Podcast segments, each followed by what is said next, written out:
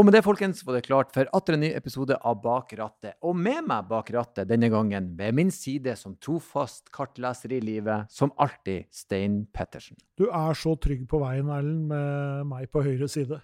Ja da, vi far gjennom dette livets landevei at det er bare en fryd. Og vi er trygt plassert i showrommet til Bertil og Stein. Og Stein, vi har hatt gjest i dag. I dag har vi hatt gjest, og det er jo en eh, legendarisk fyr når det kommer til bil. Det vil jeg høyst si. Han er faktisk eh, karikert i pondus som mekaniker. Ja, og en gang da han var på bilferie, så måtte han sette igjen sin daværende kjæreste som pant for en ubetalt eh, hotellregning. Han har også hatt den sjeldne kombinasjonen, altså radiovert og verkstedriver. Dagens gjest, folkens, eh, er Gatebil sitt eh, ansikt utad. Programleder i TV, programleder i radio. Generelt eh, bensinhue og bra menneske. Geir Skau. Og jeg brakk i latter i denne episoden, som jeg aldri har gjort før, Stein. Det var en nyttelse for alle. Det var det. Kos dere.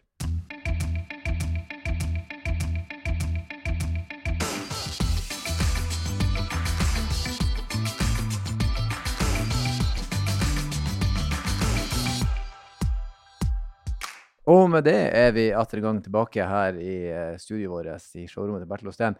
Storfint besøk. Oh, eh, jeg skal bare gå rett ut og si eh, vi har et bensinhue på besøk. Hjertelig velkommen, Geir Skau. Tusen hjertelig takk. Storfint. Det liker jeg. Stor. Ja, vi må, her er det viktig at vi titulerer det riktig. ja, ja. Og du kjenner igjen i beskrivelsen som bensinhue? Ja, ja absolutt. Ja, ja. Mm. Selv om jeg har jo ryket på elbil, jeg òg. Men det fins noen fossile biler i garasjen min, ja. I biler i flertall. Du er en av de som har flere? Må ha flere, ja. Ja. Da har jo Stein og du noe til felles her. Han er også ja. Det er en diagnose mer enn, et, uh, mer enn en interesse, tenker jeg. Det er det, men det er også Du må også da etter hvert ha evnen til å begrense deg, for det har jeg ikke alltid hatt. Men uh, Så jeg, jeg har nedskalert kraftig. Hva snakker vi om da i antall? Fire, fem, Ja. fire. Ja, Ja, det er fire. pent. Men jeg har et par andre som- Ja, det er litt uh, Spørs hvem som spør. Ja, det er jo veldig det. uh, men uh, Nei, jeg har, altså, mitt, mitt siste innkjøp var nok ganske dårlig innkjøp, men det var billig. Det var en Fiat 1100 D Saloon. Jeg hadde en sånn en som var egentlig en veldig fin bil, som ikke hadde gått mye, som jeg kjøpte av en gammel gubbe. Den gikk med en brann i en låve. Det, det var litt synd. Og så plutselig dukka det opp en tilsvarende. Og så tenkte jeg den drar jeg og kjøper. Kosta ikke all verden. Og så dro jeg den hjem, og det viste seg at den er jo ikke så bra i det hele tatt. Men så, når du først kjøper sånn gammelt, så dukker det opp noen delebiler, vet du. Selvfølgelig. ja, så jeg, jeg har tinga på et par delebiler òg, som står rundt omkring oss nå. Når våren nærmer seg nå, så får jeg vel dra og se over. Jeg pleier å si den fulgte etter meg hjem, så jeg Ja, kan nesten, ja, ikke, kan sånn, nesten sånn, ikke kaste den på gata igjen. Nei, det er litt sånn. Så det er sånn det baller på seg. Det blir en delebil og en delebil, og så plutselig så har man Det var jo egentlig det, Da jeg drev verksted, så var jo det greia at da hadde jeg jo litt plass til det. Men jeg vil ikke drive og, og, og Det skal ikke se ut som Ytre Enebakk i hagen min, altså, så jeg vil ha Jeg må ha, ha det i hus. Smart. smart. Mm. Strategisk smart. Særlig over litt tid, så, Ja. så er det lurt. Jeg har nemlig noen naboer som eller i hvert fall spesielt én nabo som eh, ikke har, oppdaga det ennå, at du må ha ting i hus. Så der blir det litt vel mye rundt omkring. Han sier vel heller ikke nei til et tilbud, tror jeg. Men, eh, men du har rett og slett også drevet verksted? Ja. Jeg er jo utdanna biloppretter. Mm. Har, eh, hadde karosseriverksted i mange herrens år. så jeg dreiv jo det egentlig parallelt med at jeg dreiv i radio. Mm. Hadde jeg en sånn romantisk idé om at jeg kunne dra på radio om morgenen og jobbe på verksted om ettermiddagen. og sånn. Det ble bare surr. Men det, er sånn, det var sånn verksted, sånn som det du ser i Pondus, egentlig, var det ikke det? Det er vel Jeg har vel også blitt uh, karikert i pondus. Det er jo i RS, eh, Ja, det må det jeg er det. si. Så jeg har en tegning eh, Frode Øvli har tegna meg, og, han har, og jeg har skrevet forord til en av bøkene der Akkurat. òg. Så Mm. Jo da, han For du ser liksom for deg han eh, som står der med sneipen i sida Mm. og et litt sånn, eh, et litt sånn kaotisk eh, verkstedlokale. Ja, det var litt sånn. Det var litt sånn. Ja, Ja. det var det. Det må jeg si. Så du, men men hvis vi tar det litt tilbake, den her bilinteressen. Når kom den, og hvor kommer du fra en bilinteressert familie da? Eh, Egentlig ikke. Jeg hadde en bror som var Jeg har i og for seg den, men han var fem år eldre enn meg og, og ble, eh, altså, tok bilmekanikerutdannelse. Og, og var jo generelt opptatt av bil. Jeg syntes jo bil var gøy. Faren min eh, var vel ikke sånn kjempebilinteressert, kanskje, men han hadde hatt mye gamle biler og kunne skru litt og var litt eh, handy, da. Så, så bilinteressen tror jeg alltid jeg har hatt. Vi dura jo land og strand rundt på bilutstillinger og så de samme amerikanske bilene på de forskjellige utstillingene, da, for det var jo ikke så mye å ta, så det var samme driten overalt. Så nei, bilinteresse har jeg, har jeg nok hatt uh, veldig lenge. Mm. Liten gutt. Lekte med biler, hadde bil, var bil, bilpunch. Og begynte å kjøre bil tidlig. Ja, på Men ikke for tidlig heller. Men uh, moped og motorsykkel og sånn, det ble litt tidlig. Men, uh, men bil, det Altså, hadde jeg bodd på landet, så hadde det nok gått litt annerledes. Men når du bor i Oslo 6, så var det begrensninger på det, altså. Det Mm. fikk noen konsekvenser. Og Manglerud, hvor jeg kommer fra, hadde jo da også politistasjon. Så der var det Det lite Ja, det var en dårlig kombinasjon, altså. Dårlig kombo. Mm. Men moped og motorsykkel, det kom litt før? Ja, ja, det hadde vi jo hele tida. Kjørte rundt på pappskjelter og Men uh, oppretter, da var du liksom Men det bestemte du deg for tidlig at du skulle begynne med, eller var det litt sånn tilfeldig at du havna der? Nei, det var vel ja, både og. For jeg hadde en kompis som var noen år eldre enn meg. Han uh, var riktignok lakkerer, men, uh, men han uh, så jeg tjente mye penger. Så tenkte jeg at dette går jo an å begynne med. Så var det jo, ja, jeg syns jo det var litt kreativt å være oppretter og skape litt og banke litt og reparere litt med henda. Det likte jeg, altså. Jeg var god i sløyd på skolen òg. Det med den oppretterbiten, er det noe som du har eh, tatt med deg inn i den bilsamlebiten? At Ja. du fikser sjøl og restaurerer? Og, Ja, ja. du kan skru og rette ut? Og Skrur og retter og jeg går ikke veldig mange runder med meg sjøl før jeg kjøper nytt verktøy, nei. Hvis det er noe jeg trenger. Mm. Skal ikke rare hindringen til før jeg er og handler. Mm. Men så har du da klart å kombinere det her, da, så ikke bare stå i verkstedet. Men så, så kom jo den her radio, Ja. radiokarrieren. Var det tilfeldig at du ble Gled Ronny, eller var det, eller var det en plan fra din side? Nei, det var overhodet ikke noe plan. Dette her var veldig Altså, det meste jeg har gjort, har nok vært Det har vært tilfeldigheter. Men jeg hadde har jo- og fremdeles selvfølgelig min gode venn Rune Gokstad. Han og Øystein Bakke de hadde noen sånne figurer på NRK hvor altså, de fikk litt innpass. NRK var jo altså Fikk du et lilletåa innafor der sånn, så mm, på den tida så kunne du nesten eh, Da hadde du liksom gjort det. Så det var jo stas å gjøre noe i NRK. Alle så hva du drev med, alle hørte hva du drev med, for det var jo bare det. Og, og de trengte statister til Men jeg fra, øh, fra øh, altså til radioen så måtte jeg gå den tunge veien om TV, for jeg begynte med TV og statistting der, og så ble det radio. Da var det Herreavdelingen som da ble av det, Eller de avløste det som het Irma 1000 med Kari Slottsveen og Barbara Jan. Da var begge de gravide og måtte ut i perm, og da skulle Finn hadde han fått, eller var vel egentlig Bjørnar Pedersen og Egil Birkeland som hadde fått i oppdrag å uh, lage radioprogram. Så ble det Herreavdelingen, og så kuppa vel Finn det litt, og vips så var jeg inne.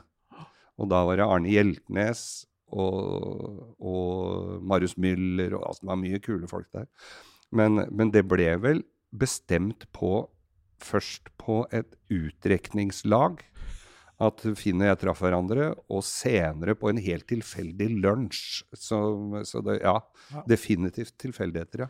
Men det må ha vært en helt utrolig tid, på en måte, den herreavdelingen-tiden. ja. For da, da gikk man jo på en måte fra å ha hatt uh, ganske sånn ja, Irma 1000 var jo ganske vilt, Mm. men uh, det var jo en sånn Det gikk jo fra å lage liksom ganske sånn tradisjonell radio til å gjøre noe helt annet. Helt annet, ja, ja. Ganske frie tøyler. Ja, ja, ja. Det var jo ikke grenser i det hele tatt. Så det var, og vi var jo absolutt størst. Det var P3. Ja. Og P3 hadde en sånn policy at det, ingen programmer skulle gå mer enn i tre år. Det gikk jo gærent etter hvert, for de så jo populariteten. Da kunne de jo ikke bare kutte ut. Men så ble jo vi flytta over på P1 etter hvert og sånn, da. Men eh, vi hadde altså så sjukt mye lyttere, og kjørte jo sånne responsgreier på um, faks. Altså folk kunne stille spørsmål på faks. Så jeg tenkte her kommer jo ikke en dritt inn. Så første programmet så hadde vi jo konstruert noen noe spørsmål, da. Og folk var med på leken fra dag én, så da behøvde jeg ikke gjøre noen ting. Da, var, da rant de inn på faks med, med spørsmål, teite bilspørsmål. Som jeg sparte, svarte på alle sammen. Selvfølgelig meget korrekt. Faks, det er gøy. Det, ja, det var det. altså. Det var ikke tekstmelding engang, vet du. Nei, på firehjul i svingen, var det ikke det? Mm. Ja. Motormagasinet på firehjul i svingen, et, bil, et, motor, et bilprogram for nervøse bilførere. Det var gøy. Nei, det var kjempegøy svært fin. Og jeg dro, vi var jo rundt og underholdt på disse her studentsamfunnene og sånn. I, i, vi var i, i, Trondheim, på Samfunnet i Trondheim. Der var det utsolgt, smekkfullt. I Bergen og alle disse her stedene var Så vi, vi var de kjempepoppiser, altså. Og hvorfor vi blei det på, blant studentene, det skjønte vi ikke helt. Helt til vi var på en, en eller annen høyskole, jeg husker ikke hvor det var, hvor de fortalte at alle de som drev med underholdning på høyskolene, hadde vært til stede på den ene greia vi var i, tror jeg var i Trondheim. Og da hadde de sittet dagen etter og var så fyllesyke, så de fant ut at det, det var det siste de huska, at det var eh, morsomt. Så de noterte opp oss eh, på alle de der. Det fikk vi greie på lenge etterpå at det var derfor. Ja. Ja, Men når kom du til det steget der hvor på en måte du måtte satse på det ene, og ikke på, på verkstedet? Det var eh, flere litt flere årsaker til det. Jeg dreiv verksted sammen med Freddy, en gammel kompis. Han hadde vært formannen min da jeg gikk i læra hos Møller på Lørenskog. Hvor jeg for øvrig fikk da beskjed om å ikke jobbe lenger. Og, og så ja, det var humor i bånn på alt jeg drev. Jeg så jo ikke helt Altså, det var så Komme der på alle Og, og der, som læregutt, ikke sant. Alle drev og kødda med meg og fant på masse dritt. Og blant annet eh, var, Der drev de med, med Dodge og Magirus og Man, svære lastebiler som hadde hengt meg oppunder krana, og som jeg drev og fløy over krana der som, uh, oppunder taket med sånn setetrekk rundt halsen og var Supermann. Og da kom, altså var en verksmester der. Han to, tror jeg tok meg på fersken hver gang det var et eller annet. Og jeg fikk skylda for alt som var, så jeg fikk fyken der. Og da var det min gode venn Freddy som uh, hadde begynt på et annet mindre et mer passende verksted for meg i Oslo, eh, som tok meg under sine vinger, og som jeg fikk lov å begynne i læra der. Og hadde jeg, der hadde jeg det fint i mange år. Altså. Så begynte jeg sammen med han etter hvert, som eh, eh vi, vi, begynte verksted sammen. Og så ble det mer og mer underholdning og mindre og mindre bil. Og jeg følte liksom ikke jeg kunne drive og ta imot så mye kunder. Det, det, det gikk litt eh, jeg, jeg, kunne liksom ikke holde helt tidsfristene. Så, så, det ble etter hvert Norges dyreste dekkhotell, det der i verkstedet mitt. Altså. Og så ble Freddy sjuk og dessverre døde, og da kasta jeg en håndkle. Da fikk det være bra. Ja. Mm. Men jeg er litt nysgjerrig, du er jo en, en, en, bilmann. Hva var din første bil som du anskaffa sjøl, og tenkte at denne vil jeg ha? Det var ikke noe snakk om 'denne vil jeg ha' vet du, på den tida. Det var snakk om at 'denne har jeg råd til'. Denne kan jeg få. Denne kan, Peugeot 404 71-modell 70-modell var det vel. Kjøpte den av naboen min over veien. En uh, mann som uh, det viste seg etter hvert hadde store psykiske problemer, sånn at han skøyt seg. Men, men jeg tror ikke det kom av måten jeg uh, håndterte bilen hans på. Men det var en Peugeot. Det var fint å ha en det, var, det var en Da vasker, da vasker, da vasker du bilen sjelden. ja. Nei, men det men, da, altså, da, kjøpte jeg en bil til 1500 kroner, det, og det tror jeg var uh, fint uh, på den tida å ha en billig bil. For det første kunne du skru litt sjøl uten å være redd for å ødelegge noe. Det var ikke noe uh, elektronikk som kunne gå i stykker. Jeg kunne sveise litt, for jeg hadde jo gått på skolen og sånn. så hvis det var noe å rette opp og sånn Jeg bulka jo selvfølgelig et par ganger, og da var det jo bare å dra på høggerne, hente deler og finne ut uh, av ting på egen hånd. Så det er, er en del av læra det å ha gammel bil, altså. Mm.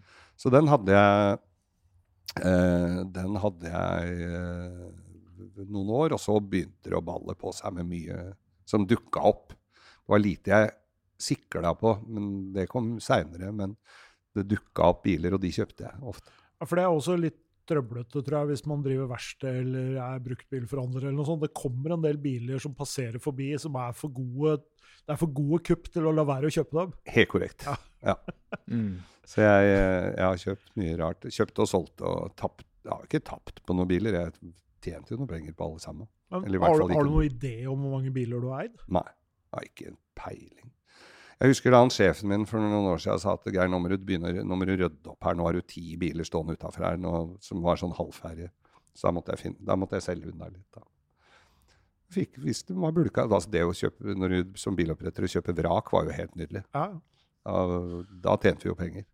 Denne lønner seg ikke å rette opp. Nei, denne lønte seg. Vi kjøpte av forsikringsselskapene også, så måtte vi rundt og børse og deale deler på høgger og skjøta og sveisa og bygde opp. Det var gøy, det, altså. Kjøpte en Fiat, Fiat uh, Ritmo, altså, altså 86-modell eller noe sånt, hadde nesten ikke gått noen ting. Helt ganske ny bil.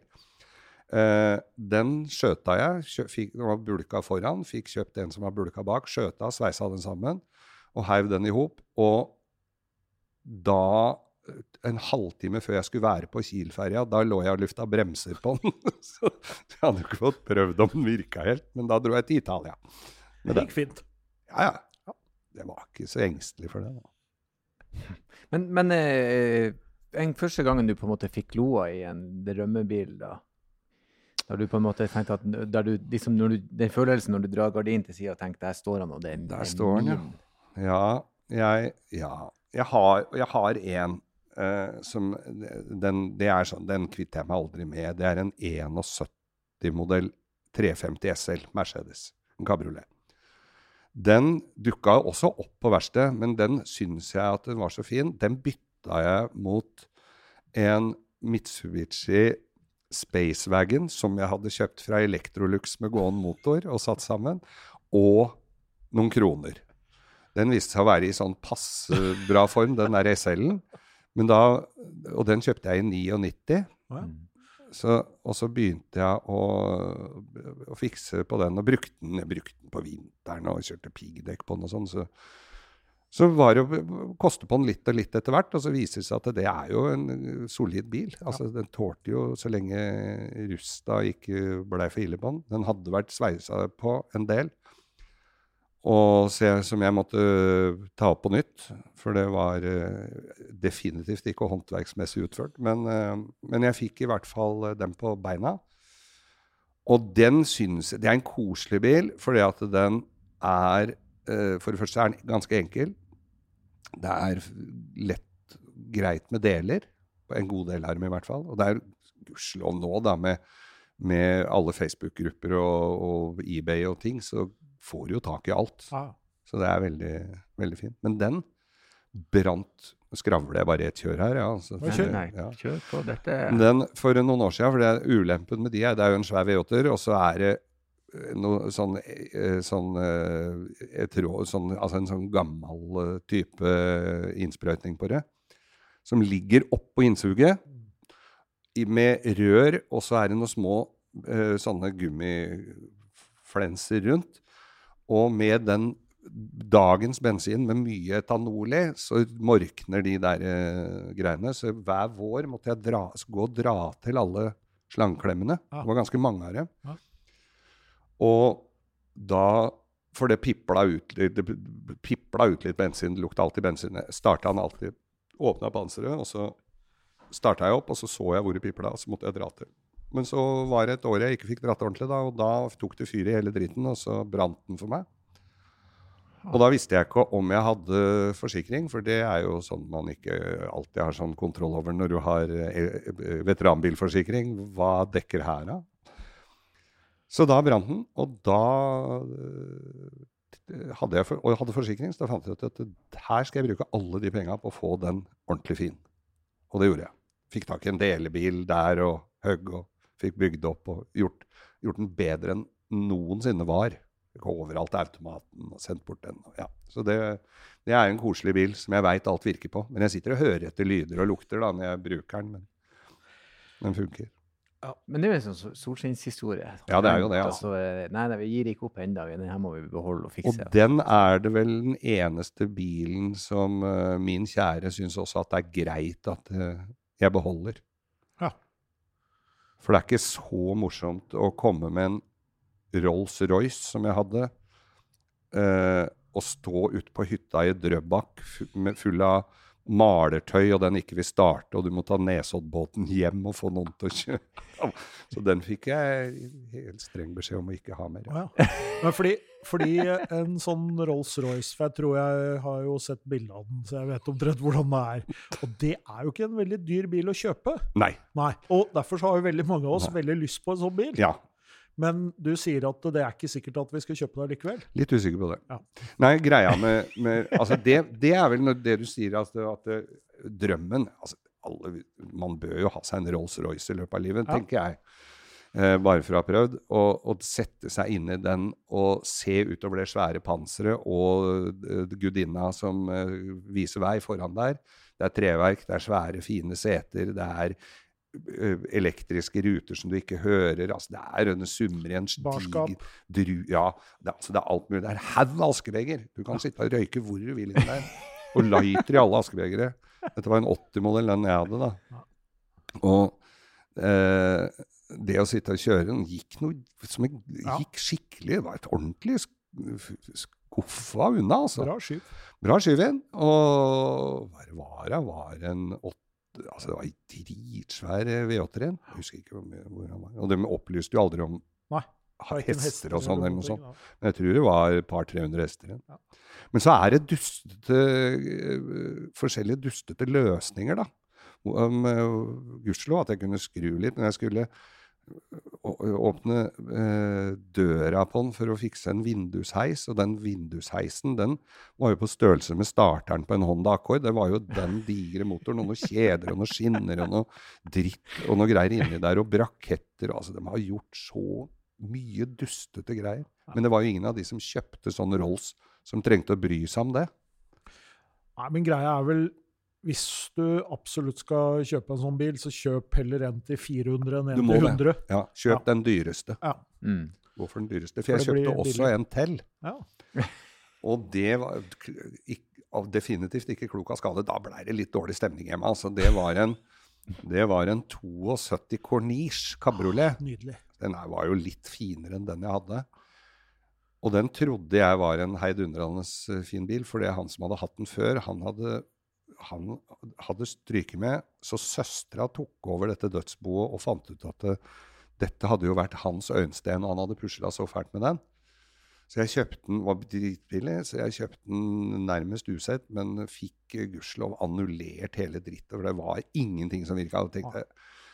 Noe kan jeg alltids leve med at det ikke virker, men når ikke noe virker noe særlig, da tenkte jeg at dette får andre ta seg av. Det er liksom, det er 17 lag med klarlakk, men eh, når ikke noe mekanisk fungerer, Nei. så hjelper det lite. Hjelper ikke. Og han hadde prøvd seg på treverket der og pusse opp det og det. For det kan du bare skru av fra fronten. Det er jo skruer i forkant, så det var jo bare å vippe ut. Det, hadde, det så ut som han hadde prøvd seg med Drygolin eller noe sånt, så det var jo hele Altså så hele sjarmen forsvant jo der, når du får litt sånn gammel russebuss.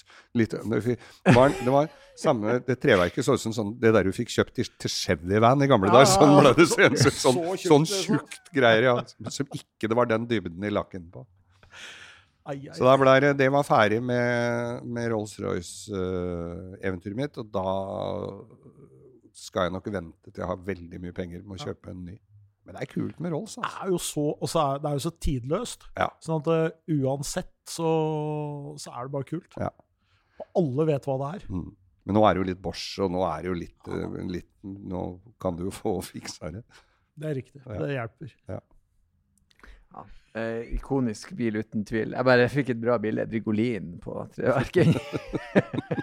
Skikkelig sånn hjemmelaga. Takk. eh, Jeg tror jeg trekker meg fra det. Ja, ja, Er det mulig vi kan gjøre noe? ja, nei, det, Men eh, du sa noe litt om det. Du, du, begynte ikke å kjøre bil for tidlig. Men eh, hvordan var det når du tok eh, sertifikat og lapp? Var det på dagen? Eh, der var noe du gikk og venta på? Nei, der kom jo dette mopedgreiene inn. Da, så jeg måtte stå over et, et kast. Men ventet, ah, jeg, riktig. Ja, men jeg var, jeg var, vel 19 år gammel. Sånn. Da sto jo den Peugeoten klar og venta, som jeg hadde sittet og, og, og tørka dashbordet på noen ganger. Jeg, var, jeg klarte jo da å jeg måtte jo ut og kjøre med den dagen før jeg kjørte opp. Jeg klarte jo ikke å la den og vente, så jeg måtte ha meg en liten runde med Mm. Liten sånn pre-oppkjøring. Ja, det ble en pre-oppkjøring. Men du dro på en liten utsettelse med mopeden der. Var det pappskiltet som gjorde at du røyk? Ja, altså, vi dreiv Altså, er fra Mangler du, det, du, slapp jo ikke Du fikk jo utsettelse på lappen, bare gikk litt for skeivt over gata der, men, men eh, det var eh, Ja. Så den ble eh, avventet litt, men, men Så det var litt moped og litt andre greier som måtte kompisen min han, han ble, fikk utsatt, utsettelse, for han ble tatt i å sitte drita full i en sånn handlevogn nede ved parkeringsplassen. Det var utsettelse. Det, da fikk han et, halvt, nei, et år, etter det. Et halvt år eller et år. Det var strengt, altså. Så jeg var strengt. Kjempestrengt. Det kommer kanskje at han heiv den handlevogna ned på ringveien etterpå. det begynner å gi mening etter hvert som du forteller. Ja. Men eh, sånn som nå, når du eh, eh si, hva, hva, bruker du bilen din til? Er det, er det ja, Jeg tror jeg vet svaret på det, men er det bare praktisk, eller kjører du tur bare for turen sin del? Altså, Er du glad i kjøreglede, rett og slett? Ja, jeg, jeg liker egentlig å kjøre bil. Eh, Samboeren min hun hater hvis det er to biler foran i kø hvis vi skal på fjellet. Eh, da klikker hun. Uh, at jeg syns det er uh, rush. Men jeg tenker at nei, skal vi dra dit, så får vi sitte der i køen og Høre på litt radio, og høre på litt podkaster og høre på Nyte. Ta den tida det tar, liksom. Jeg er ikke stressa. Og du har ikke noe, du har ikke noe sånn road rage, eh, noe behov for å oppdra andre bilister, liksom, heller? Jo, jo. Hele tida. Kom veldig kontant. Å, fy faen. Jeg er så forbanna på hvordan folk kjører. Det og, og ikke, når jeg står i en smal, liten vei, jeg venter, og, og, og, folk kommer imot, og så ser de bare rett forbi, ikke takker, bare en liten hånd opp. Sånt irriterer meg. Mm. Det er ufint. Det er ufint. Ja, du skal si takk. Du skal, skal dimme eller vinke. Ja, du, må gi, du, må, du, må erkjenne at nå mm. var du kul med meg. Ja. Ja. Og nå har jeg gudskjelov en, eh, en sånn en eh, Isuzu D-Max Arctic Truck med noe helsikes uh, fjernlys, så de merker jo det at uh, at ikke de har takka, ja. Du grilla netthinnene, du bare flekka på. det er uh, Jeg har tre sånne X-Vision uh, på jeepen. Og hvis du ligger bak noen da og blinker et par ganger, pleier det å flytte seg. Altså. Gjør det. Ja. Gjør det. det merker de fort. Ja. Men har du tydd til noe mer enn å bare drive med lys? Nei, men jeg kjefter litt. Jeg kan kjefte litt. Uh, og det var Og det der, jeg skjønner ikke det der. Hva greia er med sånne Tesla-eiere de er litt breiale. Hvorfor er de det?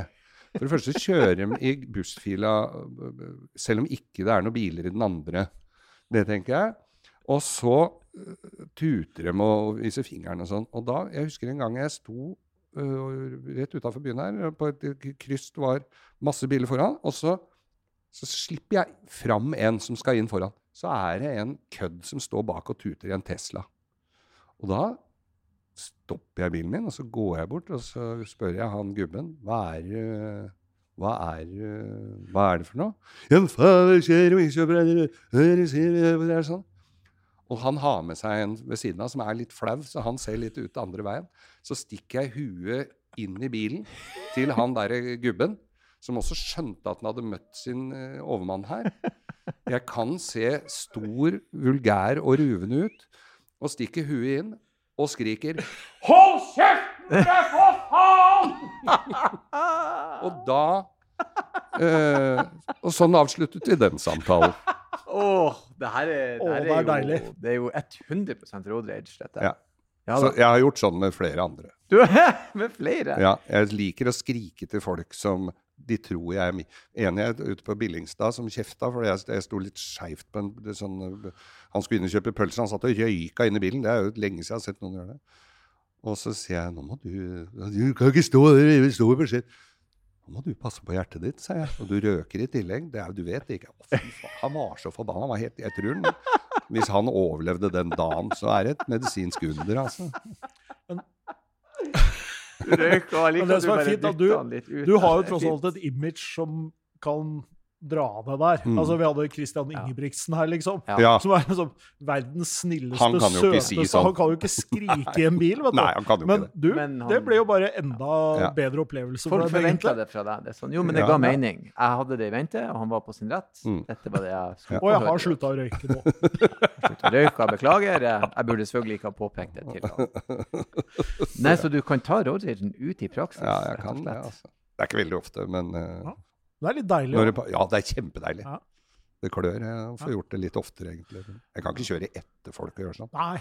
Oh, Men- det, det, det er flaut eh, det, det er godt når man har gjort det, og så er det litt flaut når man innser etterpå at jeg Men kjørte etter vedkommende. Men blikking òg er ganske effektivt. Mm. I en rundkjøring rett på bortafor her hvor vi holdt til, jeg hadde en eh, overdimensjonert sånn uh, suburban monstertruck med altfor svære hjul og hevesett og altså en vulgær bil.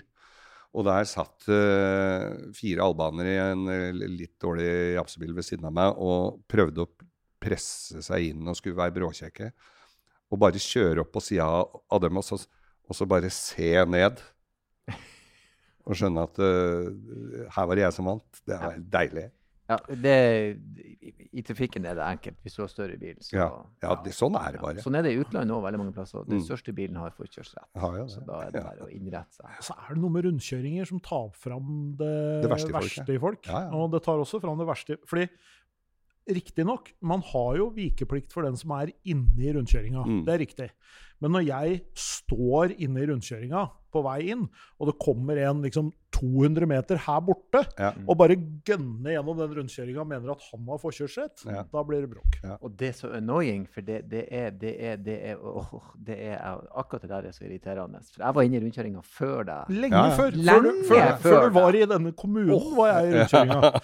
Dritirriterende. Ja, ja, det er jo det. Ja, det er, det er rett og slett. Det er godt å snakke om det. Takk. Ja, det er godt å få det ut. Det må man få blåst eh, ut. Uh, vi har stadfesta at du kan ty til road rage, eh, men hvordan vil du se på deg sjøl som sjåfør, da? Hvis vi skulle gi deg en skala fra én til ti, hvor Ja, du eh, plasserer deg, og, og hvorfor? etter den utblåsinga her, så høres det ut som jeg er verste mann i tra- trafikken. Men nei, jeg anser meg for eh, Jeg, jeg, tror, jeg er en ganske Jeg tror jeg er en ganske god sjåfør. Jeg anser meg som det, altså. Eh, da vi begynte å kjøre bil Jeg, drev, jeg drev og kjørte mye sånne fram og tilbake til Italia og Frankrike og sånn på 80-tallet. Da var det ikke så mye trafikk og sånn. Da var jeg ikke så redd heller. Men jeg tenker det at da jeg, jeg, har veldig respekt for trafikken, altså. Og ikke minst det å kjøre her i Oslo hvor folk ikke bruker refleks. Det er jo den største utfordringa. Mm. Så, så jeg, jeg, er redd, jeg, jeg er nok mer redd for å kjøre på folk enn å kjøre på en annen bil. Mm. Så du er forsiktig tilbakeholden i trafikken, da? enn, Ja, jeg er eh, ikke noe sånn sikker, sinker, men jeg gir på det jeg skal. Men jeg, men jeg, men jeg passer Ja, jeg er, som det står i veitrafikkloven, hensynsfull, aktpågivende og varsom. Riktig. Bedre blir det ikke. Nei, det gjør ikke det. Hav, Hav, ja. rett og slett. Husker, Det er det eneste det du husker sommerregelen hav. Det er det eneste jeg husker. ja. Hensiktsfull, aktpågivende og varsomt. Jeg husker da jeg tok lappen, så måtte vi lese den der dritkjedelige boka, 'Veien Ja. til førerprøven'. Ja. Det, redningen for meg der var at jeg hadde fire dager med omgangsuke, så jeg hadde ikke noe annet å gjøre, så jeg lå hjemme og leste den der. Så når jeg skulle opp til muntlig eksamen inne på det, for først er det skriftlig, og skulle inn på sånn muntlig, Ja. da, da var jeg så dritanstrengt, da måtte, da måtte jeg sette ræva innpå hjørnet på bordet til han der sensoren. Og sto der og knipe med hæla sammen og få dette unna. Ja, beklager. Nei, det går fint. Nei, men det er Ja. I dag er det sånn app, vet du. Den leser opp spørsmål og greier. Ja, ja. Det var jo ikke noe app da. Det fantes ikke noe app. Nei, nei. Nei, det var ikke det. Jeg hadde ti timer. Ti kjøretimer hadde Ja. jeg. Det fikk holde. Men disse, her, eh, disse her turene nedover til uh, Sør-Europa, det var liksom uh, det, Ja. det var ferie. Det var ferie. Jeg hadde hadde, skal vi se, Første gangen jeg dro nedover, da hadde jeg en Jo, jeg har hatt mye fine biler. Jeg hadde en Det var en 70-modell Mercedes 250 C, en strek 8 Ja. kupé. Ja, ja, ja. Den hadde også strekt opp, for den var sånn passe da den dukka opp. Uh, den uh, hadde politiet hatt fordi at uh, han tidligere eieren hadde blitt tatt med noe dop. Så den hadde stått hos politiet og blitt skrudd fra hverandre og satt sånn noenlunde sammen igjen. Ikke veldig bra. Mm. Så den, eh, Og så var det litt andre greier, og jeg hadde et pågangsmot av en annen verden og var 20 år gammel, eller noe sånt, så jeg eh, fikk den fin, og den gikk eh, til eh, Sør-Europa og i Paris og kjørte rundt. Det er jo fantastisk med gamle Mercedeser, for de kan du jo virkelig ta på en ferietur. Det er jo Ja, ja. minst like komfortabelt som å kjøre en ny bil. Ja. Jeg hadde en golfcab en gang. Det var jo fint å dra nedover med. Ja. Altså en Golf 1 kabriolet. Ja. Det også var sånn som jeg forta meg å hive sammen før Kiel-ferja kom. Men den, den eh, var det du, blir litt kjip når du jobber på verkstedet, vet du. Så det var ikke noe, for Jeg så jo at det eksosanlegget var sånn passe, men jeg tenkte at den, dette sveiser jeg i hop. Så det sveisa i hop, og det var jo ikke en lyd eh, der. Klinte rundt sånn gum-gum eh, rundt eh, røra der og dro på bra nedover. Det som er så morsomt med sånn Golf Cabriolet når du kjører med caben på, er jo at det da ser ut som en sånn zeppeliner. Fordi at du får det undertrykket inni der, så du får jo den kjempe... Så du kan sitte med flosshatt nesten inni der. Men når du parkerer, så ser det ut som ei prærievogn, for da har jo alt det strekt seg sånn her.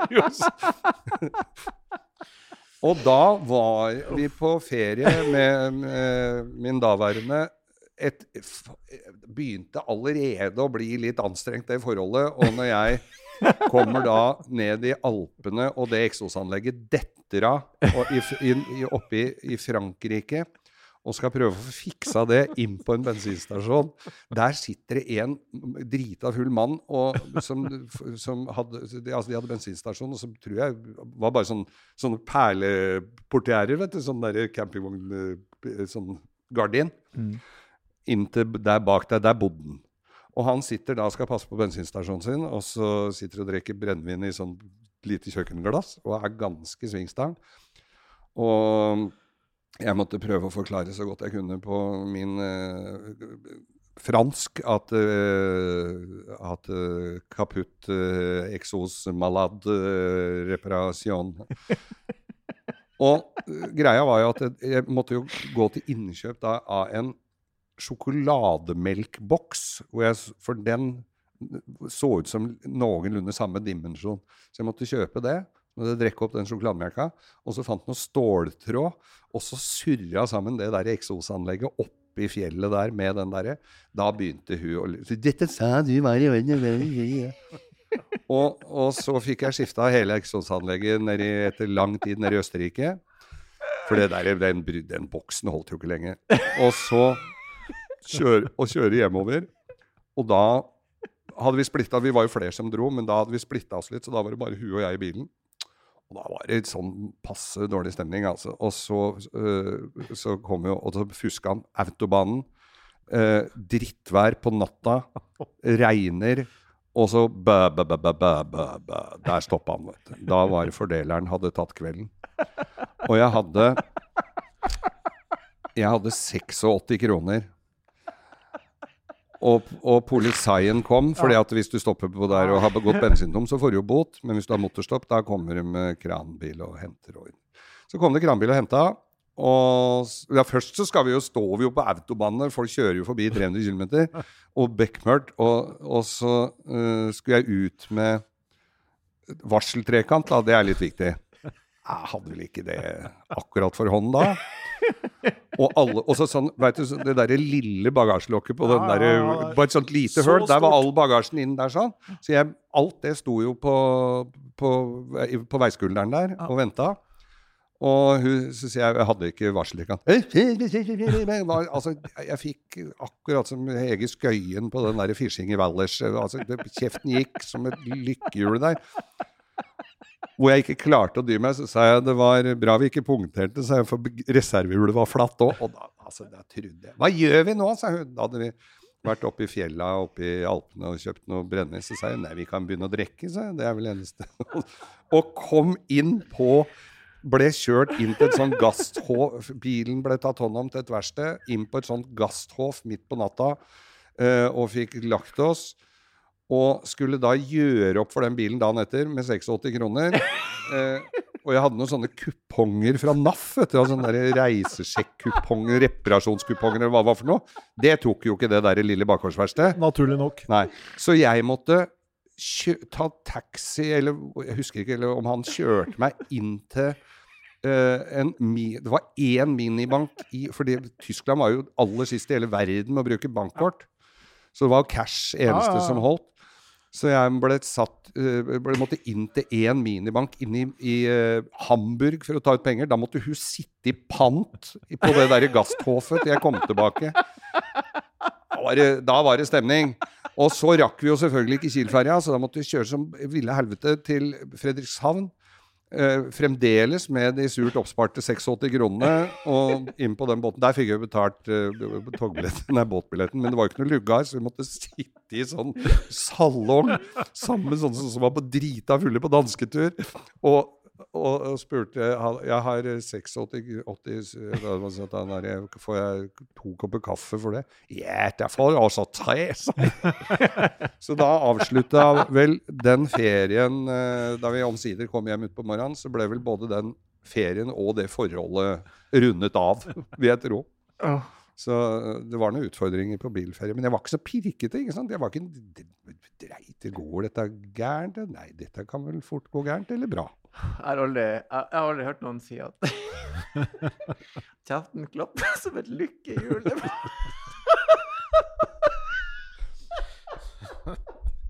Klarte å underholde Erlend i dag, i hvert fall. Det var gøy. Ja. Ja, det var veldig, start, veldig gøy. altså. Og så den stakkars kjerringa satt i pant i bilen. Tenk deg hun måtte sitte i par sur som bare helvete sitte i pant innpå den der kjipt. Gasthofen og ikke fikk mat for det jeg hadde alle de siste penga.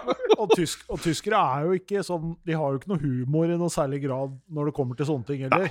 De hadde ikke det. Jeg prøvde å ta ut penger på en bensinstasjon i 98 eller noe sånt. Ja, ja. Det var jo rett før jeg ble bura inn. Ja, ja. De trodde vi prøvde å rane dem. Ja, nei, det, det, men de var veldig seine. De skjønte ikke hva jeg snakka om i det hele tatt. Kan jeg ta ut penger her? Det Jeg var- tok jo fram kortet og sånn viste dem. Det hadde de aldri sett.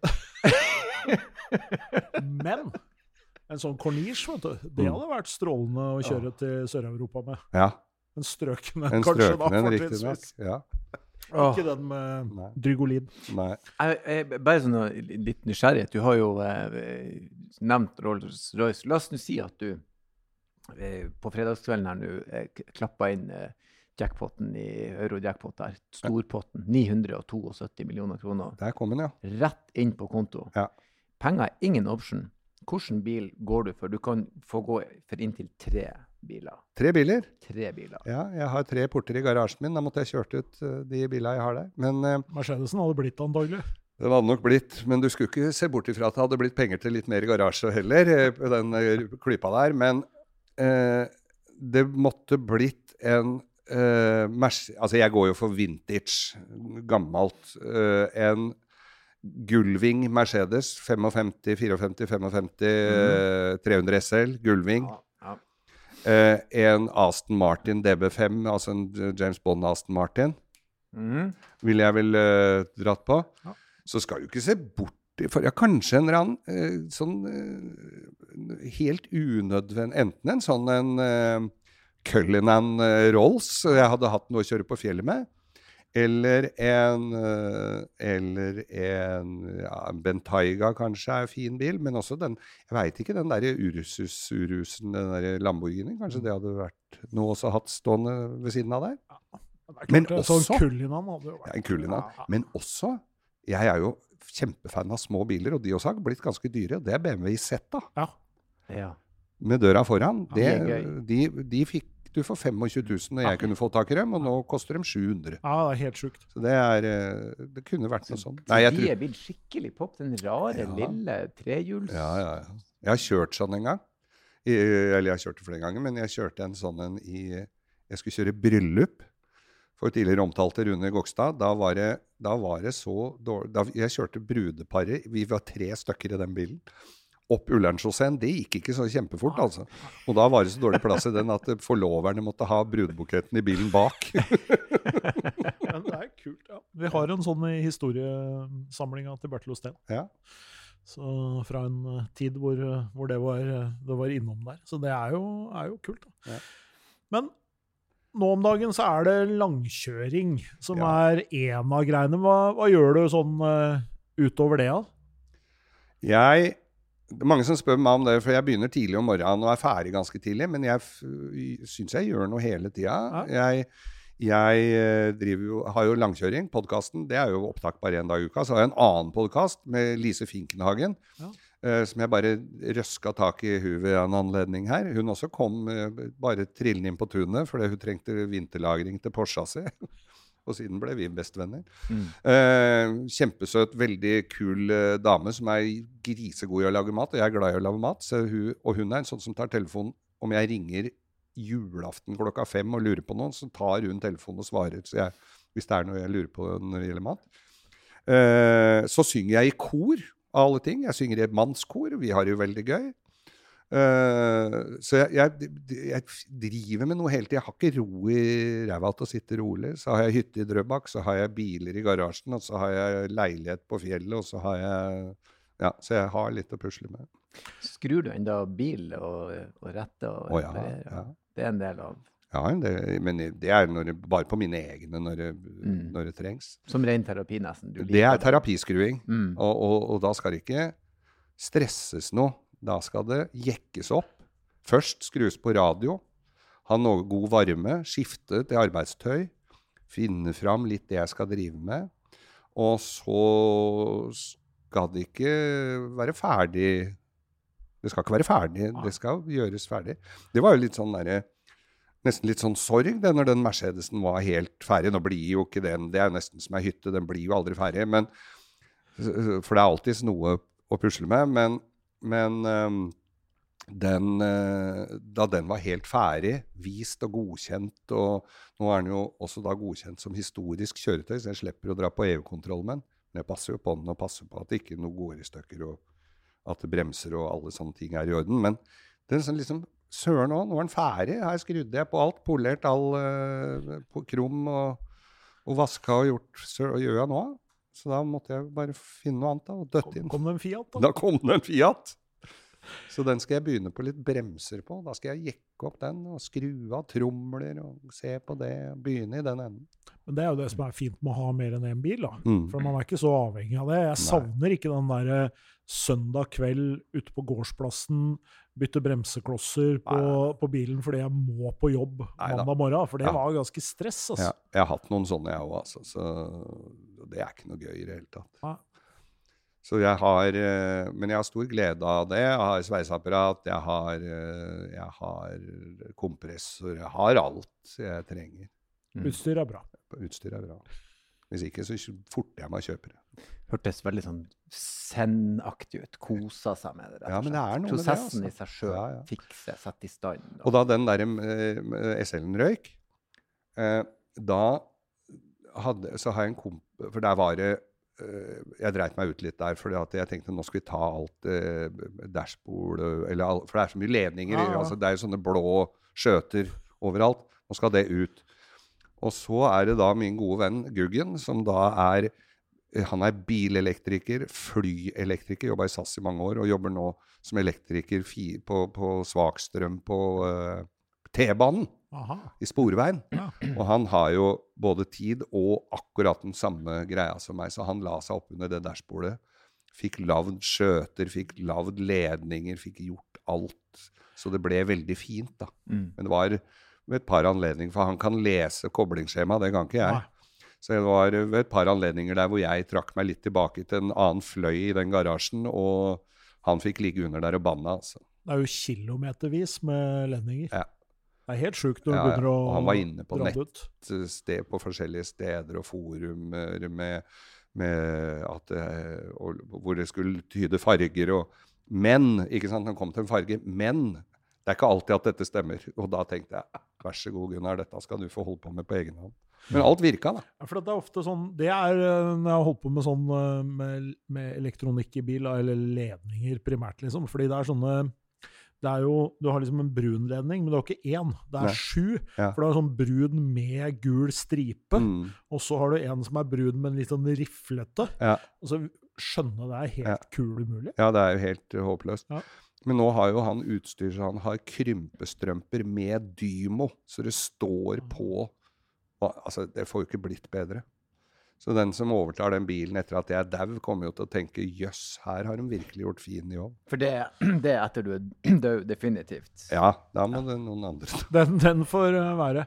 Men bare kjapt tilbake til langkjøring. da. Vil du kalle det for en bilpodkast, eller hva vil du kalle det? Ja, nå ser jeg på det at det, altså det sklir jo ut litt. Men det er jo eh, Jeg har det sammen med min gode venn Bo, som er en gatebilfyr. Jeg traff ham på gatebildet. Jeg skjønte jo at dette her var en, eh, en mann i min ånd. Og han er jo for det første veldig morsom verbal og har veldig peiling på bil. Mye mer enn meg. Og eh, så ble det spørsmål borte hos oss i radioen, for der har vi jo en stor avdeling som driver med podkast, og lurte på om jeg de hadde ville, ville at jeg skulle lage en podkast. Så sa jeg ja, jeg kan prøve. Jeg har en, har jo ikke en du kan ha en podkast Jeg har en sa jeg, som er veldig morsom, men jeg aner jo ikke åssen han funker i studio. Og det er noe med det at det er noen som blir litt engstelig av mikrofon. Og så la vi en pilot, såkalt pilot, da, en prøvegreier, og så viser det seg jo at han er jo enda morsommere i virkeligheten enn, eller på radio enn han er i virkeligheten. Så vi har vel Ja, vi er jo over 150 episoder, tror jeg, og det sklir jo ut. Det er bilprat, og så koker det jo ut i alle retninger. Men jeg tror det er det folk liker òg, at det er så uforutsigbart, alt Det vi som er fint med podkasten, ja. Man har et undergående tema. og Det merker vi òg. Vi har folk inne her for å prate om bil, men mer enn ofte så ender vi jo med å snakke om livet og alt mulig. Ja, ja, ja. Det som er med, og det som fører med. Ja, og den gatebilkulturen da, som du på en måte har Ja. Jeg vet ikke om du har levd i eller ved siden av. Jeg vet ikke hva vi skal kalle det, men du var jo litt sånn Ja, jeg eh, var jo eh, konferansier og- Ja da, jeg var nærmest Mr. Gatebil i mange herrens år. Og så fant jeg vel ut det at For dette var jo da denne Glenn Rodney-figuren. Ja. Men jeg kan jo ikke fly der som en sånn halvgammal gris og med sånne puppedamer som vasker biler og klyper dem i rumpa. Det tar seg ikke bra ut etter hvert. Så, så det fikk en naturlig exit, det der, altså.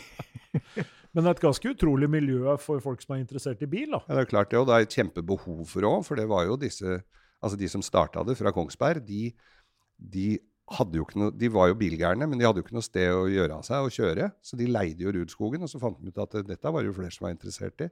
Så balla det på seg bare etter hvert. Og, og har jo blitt det største som eh, Jeg veit ikke, i Nord-Europa i hvert fall. Det kommer jo folk fra hele verden og kjører der, faktisk. Mm. Så det er, blitt, det er veldig svært. Og det er jo sånn 40 000-45 000 på sommeren på det treffet der og sånn. Det er faen meg bra. Ja, det er jo interessant, Det er fordi det er jo Ja, en det kul det, ting ja. i en sånn I en verden hvor man snakker om bilskam og Ja, ja. ikke sant? Den delen er sånn, da. Ikke mye skam der, Det altså. er ikke så veldig mye skam der. Nei, nei, nei. Ganske skamløst. Ja. Mm. Så, så gatebil har nok Gatebil har gjort mye for uh, bilinteressen. Og det er jo små gatebil... Altså, det er klubber rundt omkring i Norge. Rånere og bilfolk. Det er litt mer enn Oslo 3 bare i dette landet her, så det Det er håp. kult å se. Ja visst søren er det håp. Så lenge noen gidder å skru, så, så er det jo det. Ja. Håp er en fin ting å ha. Med det tror jeg vi skal bare si eh, hjertelig takk for at du kom Jo, på besøk. Det var veldig jeg- artig. Beklager at jeg ødela dagen deres. Du, eh, det var veldig gøy. Eh, og, eh, og takk så mye for besøket. Og så avslutter jeg som jeg alltid gjør, med å si kjør forsiktig. Skal jeg gjøre.